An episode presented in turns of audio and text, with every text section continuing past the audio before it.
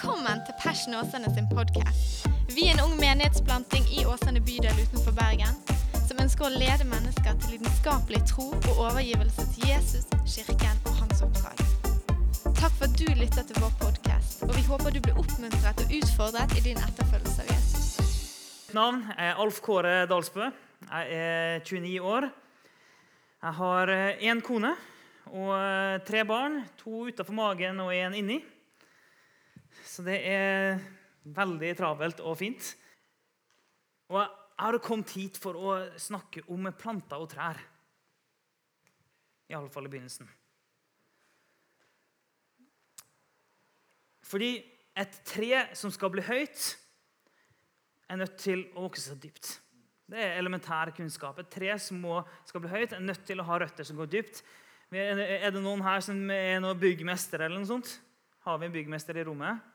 Nei, men Du trenger ikke være byggmester for å vite at hvis du skal bygge en skyskraper, så er du nødt til å grave ganske dypt for at den skal kunne stå. Så Jo høyere opp du skal, jo dypere må du gå. Og Jeg leste om veldig, et veldig interessant forsøk noen gjorde med en rugplante, av alle ting. De tok en rugplante, putta den i en vekstkasse, lot den stå der i fire måneder. Så kan jeg sjekke hvor mye røtter Eller hvor mye vil denne vokse. Så kan jeg sjekke.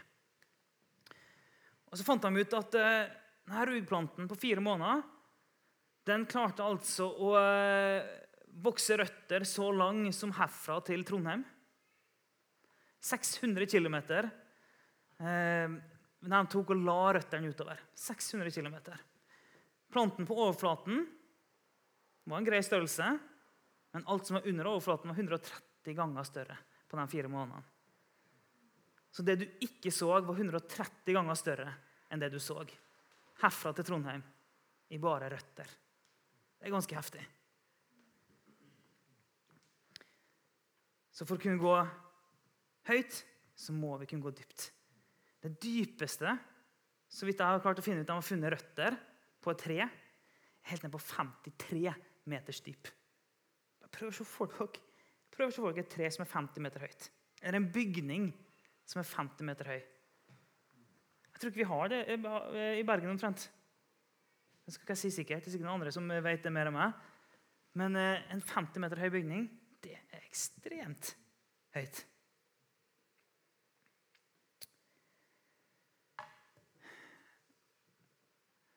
Og Noen ganger i livet så kan vi oppleve jeg håper i hvert fall at det ikke bare er jeg som opplever sånn, men noen ganger i livet så kan vi oppleve at det ikke er samsvar med det som vises ut, og det som skjer inni oss.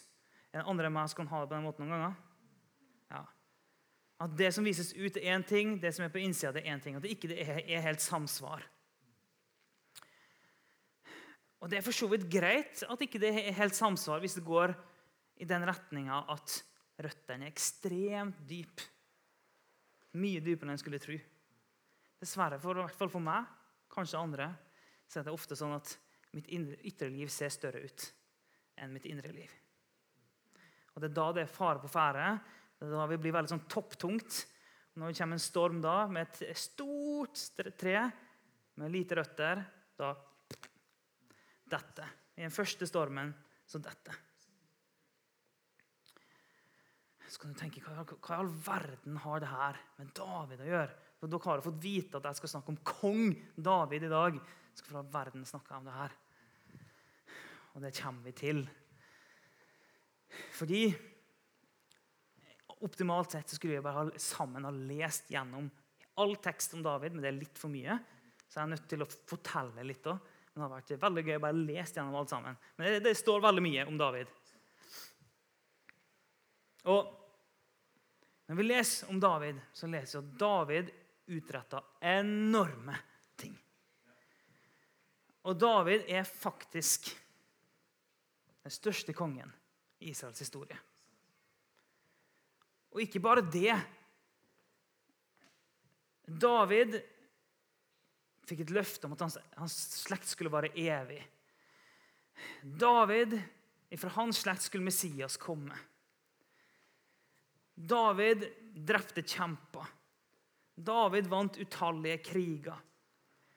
David var den som gjorde Israel mektig. David var den som la grunnlaget for Salomo. Og Det var Salomo som bygde tempelet. Men jeg vet ikke om dere har tenkt på, men Det var faktisk David som langt på vei betalte for det. Men når vi leser om Davids liv, så leser vi at David samla inn materialene til tempelet. På forhånd, sånn at Salomo kunne bygge. Og David har i ettertid blitt sett på som den største kongen. Kanskje den største karakteren vi har i Gamle testamentet. til og med. En av de største. Og Jerusalem er kalt Davidsbyen. I Israels flagget ser vi Davidsstjernen. Så David har influert verdenshistorien etter sitt liv. David levde et stort, heftig liv. Og Det er da vi må spørre oss Hva var det som gjorde at David kunne leve et sånt stort liv? Hva var det som gjorde at David kunne utrette det han utretta? Det er det vi må spørre oss om. Og Ofte gjennom Bibelen så er det mye sånn oppramsinger. Vi leser om at folk gjorde det, folk gjorde det, han sa det, han sa det, det skjedde, det skjedde. Men det som er unikt med David, er at vi har et enestående innblikk i hans indre liv gjennom salmene. Vi, har, vi har basically tilgang på dagboka til David.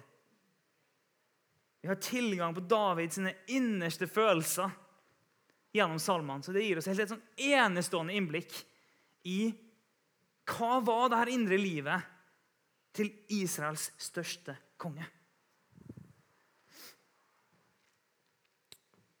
Men David var, ikke, var ingen perfekt mann. Det var han ikke. Og la meg få lov til å ta dere med til eh, en kveld i Jerusalem.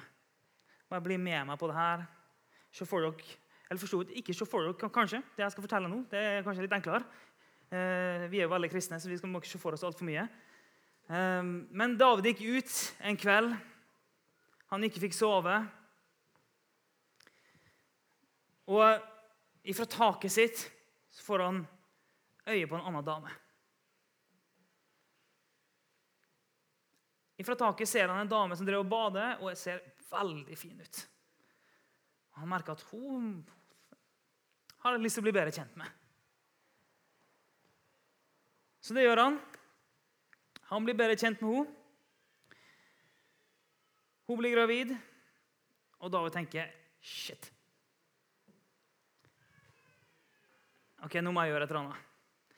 Så for å ordne opp i det, så finner han ut at eh, ok, det, han prøver å få mannen hennes til å komme hjem fra krigen, og sånn at det skal virke som det er hans eh, barn. Det lykkes ikke. Så da tar han og ber eh, sin general om å sende mannen fremst i frontlinja, så han skal dø. Så det skjer. Så Urias, mannen til Batseba, blir sendt til fronten og dør. Så David drepte da Først så tar han bare en, en annen mann sin kone, gjør hun gravid, og så dreper mannen. Det gjorde denne store kongen av Israel. Han ble forført av sin egen makt. Og på denne tida her, når du var konge, så var ditt ord det var lov. De hadde riktignok Moseloven, de hadde det. men langt på vei så kunne en konge gjøre akkurat det han ville. Og David ble forført av det. Han så et eller, annet, han hadde lyst på, og han tok det. Ikke veldig bra. Ikke veldig Jesus-likt. Ikke veldig beundringsverdig. Ligner veldig lite på en mann av Guds hjerte som David ble kalt. Så kan vi, tenke, så kan vi spørre oss hvordan i all verden kunne han få den tittelen? på En måte? En mann etter Guds hjerte som gjør andre damer gravide og dreper ektemennene deres. Hva i verden, hva er den greia her? Hvordan henger det her i hop?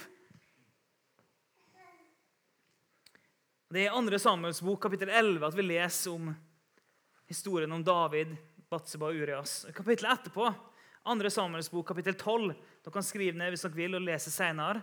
Det tar dessverre for lang tid. Vi skal lese gjennom alt sammen. Men der, i kapittel 12, så møter vi en profet som heter Natan. Og Natan kommer inn til David. Og det Nathan gjør, er at han konfronterer David. Han konfronterer David med Davids synd og sier, 'Du har synda. Det du har gjort, er ikke greit.' Så kan vi prøve å se for oss Israels største konge. Han kan gjøre det han vil. Det kommer en fyr inn og sier, 'Du har synda. Det du gjorde, var ikke greit.' David kunne drept ham. David kunne kasta ham ut. Han kunne valgt å ikke bry seg om det. Men det er ikke det som står. Det som står i 2. Samuels bok, kapittel 12, er at David bekjenner 'Jeg har synda mot Herren'. står det. Og så står det ikke noe mer enn det. Det står at David sier 'Jeg har synda mot Herren'. Ok, Han bekjenner sin synd. Men hva, hva var greia her? Nå kan dere få lov til å slå opp hvis dere vil. Men hvis vi går til Salme 51 For som jeg sa, at salmene er, det er et innblikk i Davids indre liv. Det er som en dagbok. Som vi leser i 2. Samuelsbok kapittel 12, så får vi bare én setning der David sier 'Jeg har synda'.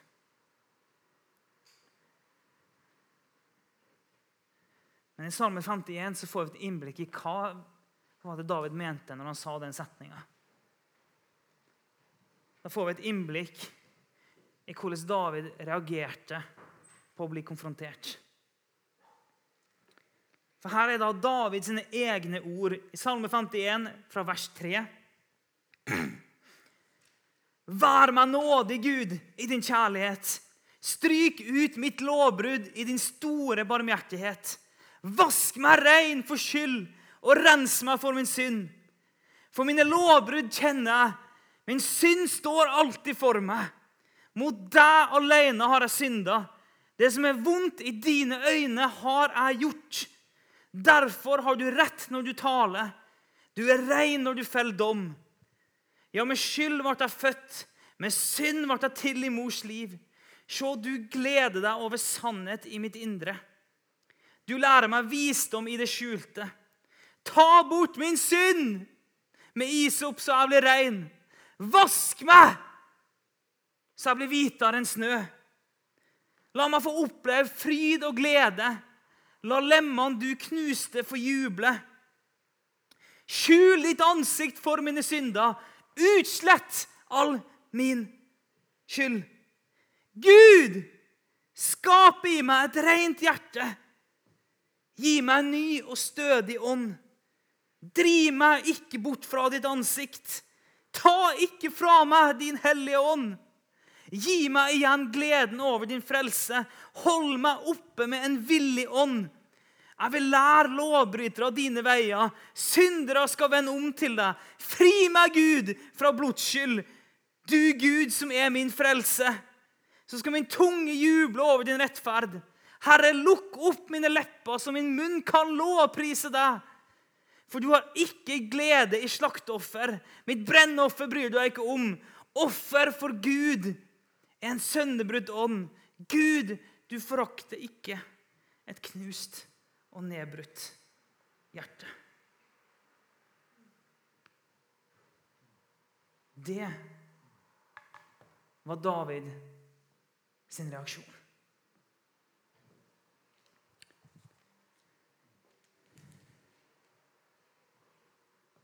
Det får meg til å stille spørsmålet hvordan i all verden reagerer vi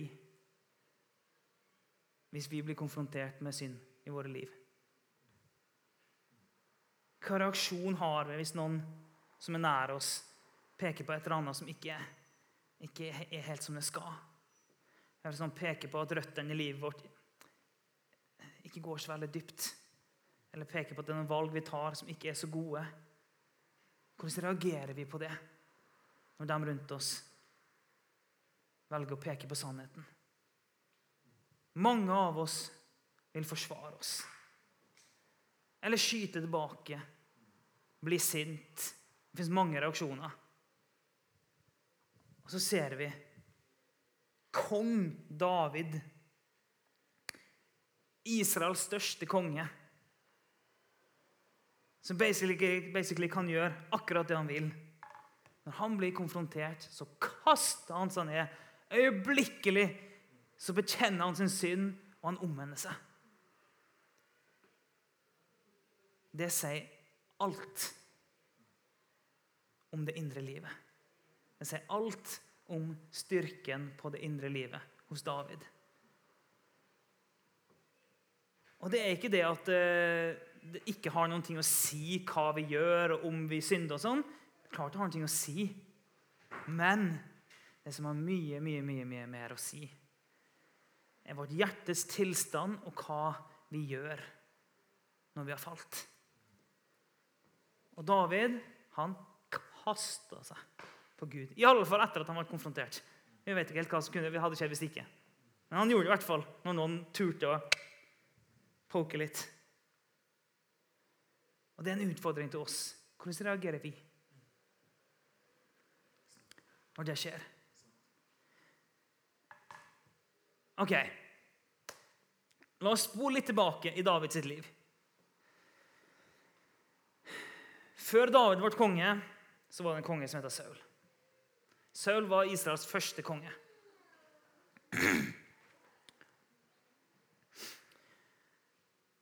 Og Saul var en god konge i en periode, så etter hvert en helt elendig konge. kom til et tidspunkt hvor Gud tok fra han kongemakten. Og Gud sa du skal ikke lenger være konge. Og Gud ba profeten Samuel om å gå og salve David istedenfor. Det er den korte historien. Ok, Så fra Guds side så var ikke lenger Saul konge. Han var det fortsatt i Israel, rent sånn fysisk, men fra Guds side så var ikke Saul lenger konge.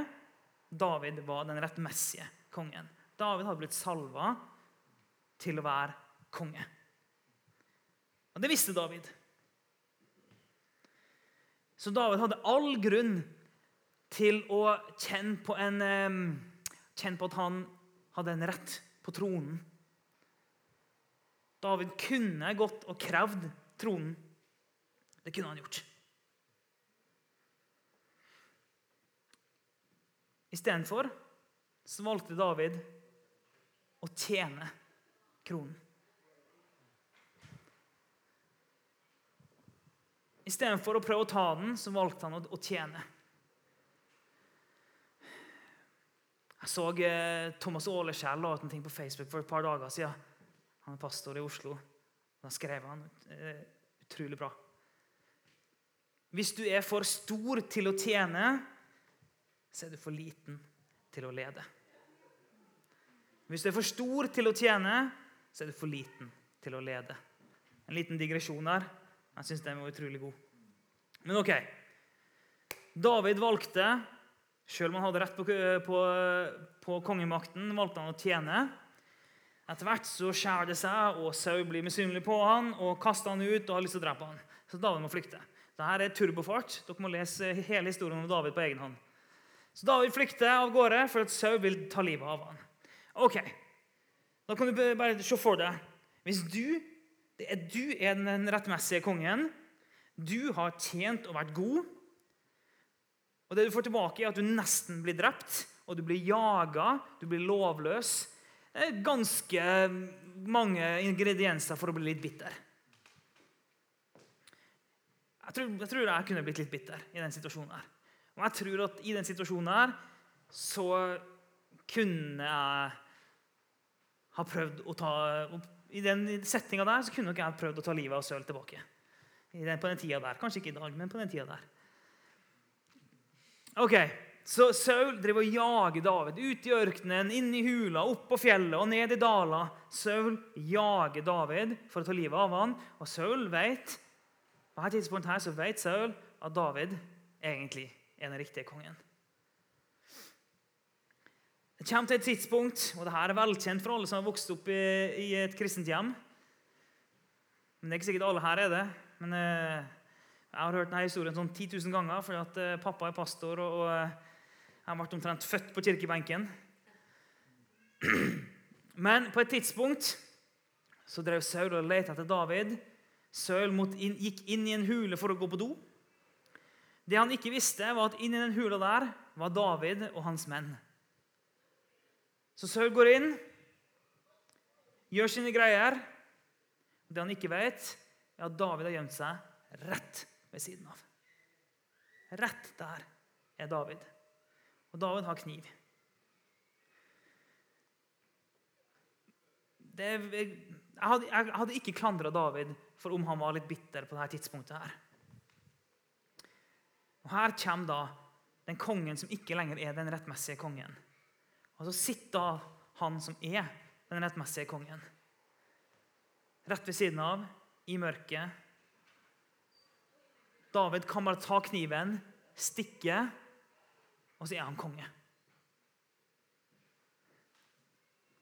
Men David gjør ikke det. Han tar og skjærer en liten bit av kappen til Saul, og det forteller oss jo alt om hvor nær han var. Han er nær nok til å skjære av en liten bit av kappa.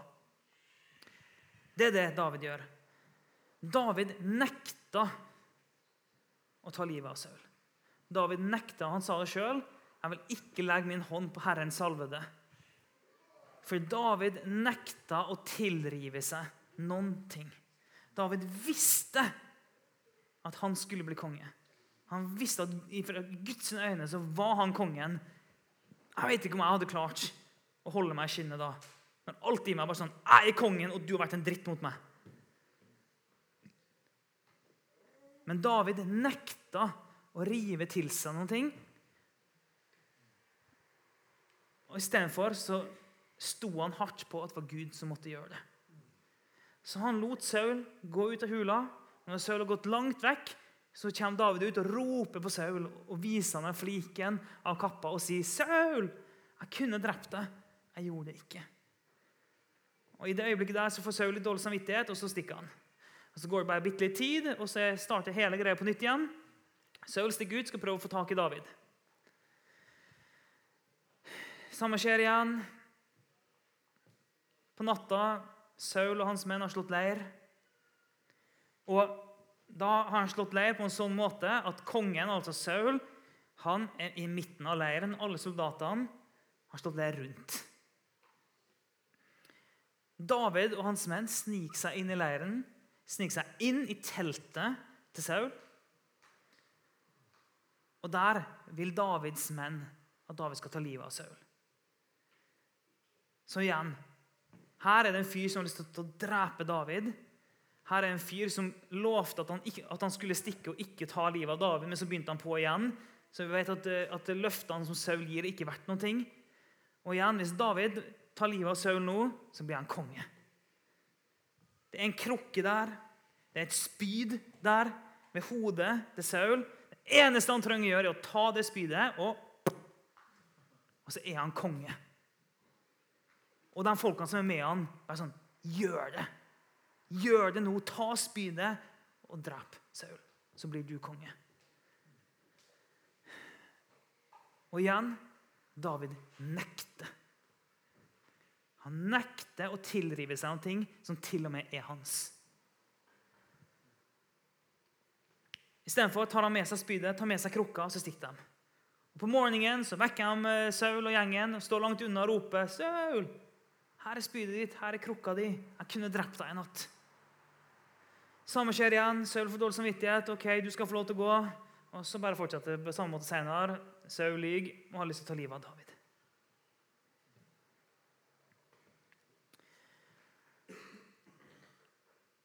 Og hvordan vi reagerer, hvordan vi oppfører oss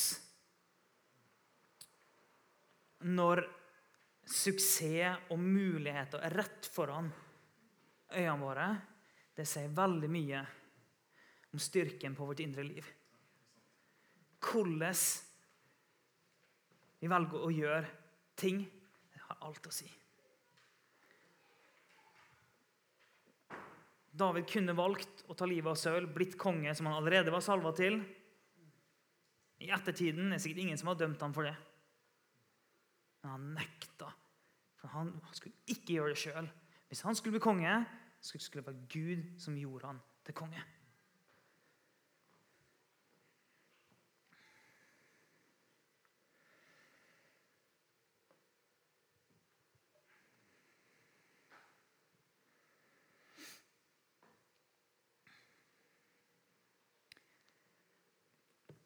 Og så tar vi, og så spoler vi litt fram.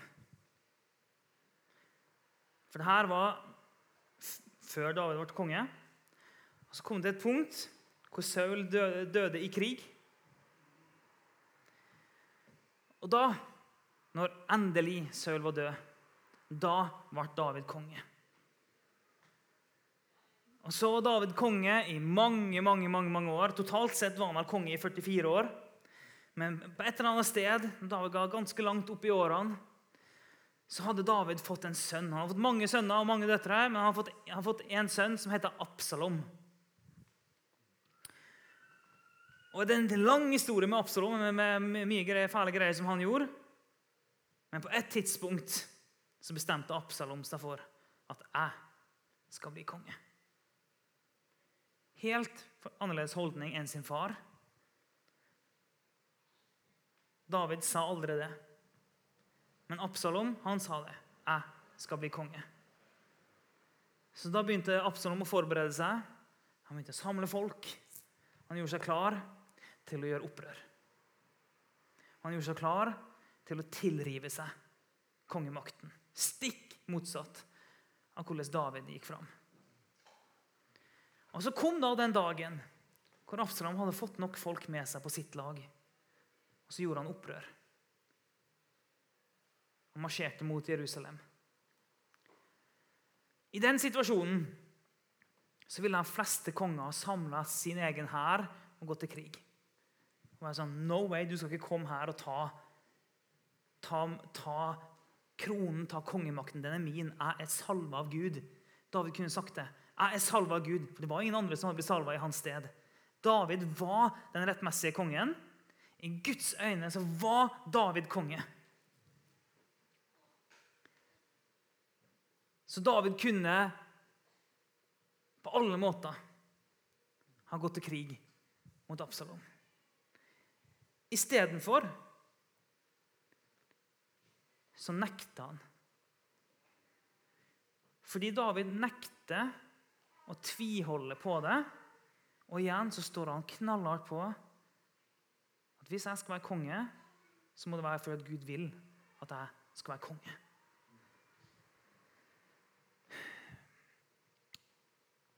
Så Istedenfor går han ut av Jerusalem. Og så lar han Absalom gå inn i Jerusalem og bli konge.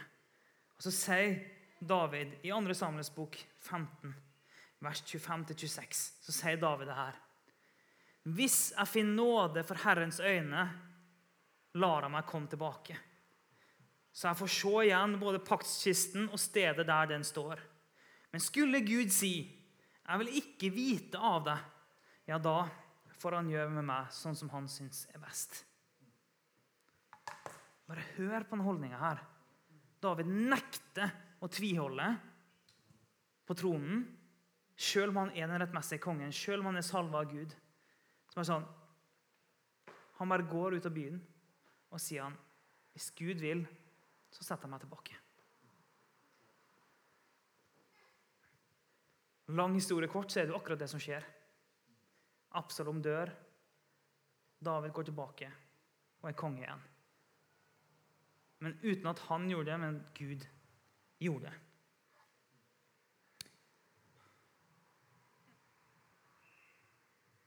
Og Det er bare så interessant å se hvordan David ikke holder fast på det som er hans. Og det Kanskje ringer det en bjelle for, for noen her inne når jeg sier det her med at hvem andre var det som nekta å holde fast på det som var ens rettmessige Hva skal jeg si Ikke akkurat eiendom, rettmessige tittel. Jo, det var Jesus. Paulus skriver om Jesus I Filippebrevet, kapittel 2, vers 6 og 7, så skriver, skriver han Han var i Guds skikkelse og så det ikke som et rov å være Gud lik, men ga avkall på sitt eget, tok på seg tjenerskikkelse og ble mennesker lik. Rett før der så oppfordrer Paulus oss til å ha Jesus' sinnelag. Vær og tenk sånn som Jesus, sier han. Og Jesus var med Guds høyre hånd. Han var i himmelen. Han kunne holdt fast på det og si at 'jeg stikker ikke herfra'. Men sånn tenkte ikke Jesus. Han ga avkall på det for å komme ned til oss. Han valgte å stole på Gud oppi det. David han knytta seg aldri til kongemakten, han knytta seg til Gud. Så før han var konge, så var han knytta til Gud. Mens han var konge, så var han knytta til Gud. Når han ikke lenger var konge, så var han fortsatt knytta til Gud. Og når han kom tilbake som konge, så var han knytta til Gud. Det var aldri kongemakten som fikk definere han, men det var Gud.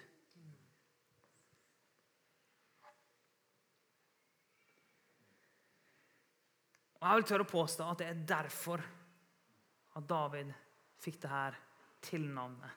En mann etter Guds eget hjerte. Fordi han ligna på Jesus. Og David, da, som den største kongen som utretta de her heftige tingene Han hadde et indre liv som var sterkt nok til å bære det heftig store livet som han levde, som har influert ettertiden i tusenvis av år. Og Det er fascinerende å tenke på at Davids sterke indre liv bygga en hel nasjon. Og Det får meg til å tenke på hva verden bygger jeg mitt liv på? Er noen som har vært borti lignelsen om han mannen som bygga huset sitt på fjell, han mannen som bygga huset sitt på sand? Er det noen her som har hørt den? Det er noen. Og Det handler om hva er det vi bygger livet vårt på. Bygger vi livet vårt på et eller annet som bare forsvinner, eller bygger vi livet vårt på Han som gjør at alt står til evig tid? David han bygga sitt indre liv på Gud. Så på tross av alt det som skjedde rundt han, så sto han bom fast. Og David nekta å rikke seg der. Sånn, hvis jeg skal bli konge, så får Gud gjøre det. Ja, men Hvis jeg ikke lenger er konge, så er det greit. Hvis jeg skal bli konge igjen, så får Gud gjøre det. Eller når han gikk imot Goliat, som vi ikke har tid til å snakke om i dag, så bare gikk han, feisa den kjempen, vant den kampen. Han var helt overbevist om at Gud var med han. Så mitt spørsmål til deg og til meg er hva er det du bygger ditt liv på? Er det på sand, eller er det på fjell? Og Det vil jeg utfordre deg til å ta med deg i uka som kommer. nå. Tenk litt sånn gjennom. Går mine røtter dypt? Hva gjør jeg for å få mine røtter til å gå enda dypere? Og helt på slutten, Hvorfor driver røtter og går nedover? Jo, for de leter etter vann. Røtter graver seg nedover og utover, for de leter etter vann. Og Det er det vi mennesker gjør òg. Vi leter etter levende vannet, som Jesus. Så våre røtter er nødt til å grave og lete til vi blir planta i det vannet i Jesus. Da bygger vi vårt liv, vårt hus, på fjell. Og vi kan få et indre liv som er sterkt nok til å bære det store livet som vi drømmer om, som vi vet at Gud har kalt oss til. Så det blir min utfordring til deg i dag. Yes. Jeg liker å be på slutten, så be gjerne sammen med meg hvis du vil det. Jesus, først og fremst vil jeg bare takke deg for den du er. Du er så fantastisk god, og vi elsker deg, Jesus. Vi elsker deg. Du har vært så fantastisk mot oss. Din nåde og din kjærlighet. Jeg ber at du skal åpenbare for oss enda mer hvem du er, og hva du har gjort for oss, Jesus. Men jeg ber om at uh, i uka som kommer nå, at det skal bli en sånn økt bevissthet for oss uh, hvor hen røttene våre går, og hva det er vi bygger vårt liv på. Og Jeg ber om at vi skal bli en, uh, en gjeng som bygger vårt hus på fjell. At vi, kan, at vi kan bli gjort i stand til å bære alt det som du har for oss. Så lære oss, Gud, å bygge og lære oss å søke inn til deg. Og plante oss i deg i alt det vi gjør, hver eneste dag. Ja, det ber vi om Jesus. Amen. Takk for at du lyttet til Passion Åsane sin podkast. Hvis budskapet inspirerte deg, del det gjerne videre, slik at enda flere kan bli styrket av Guds ord. Gud har en plan for ditt liv. Følg Jesus lidenskapelig og bety en forskjell for mennesker i din verden.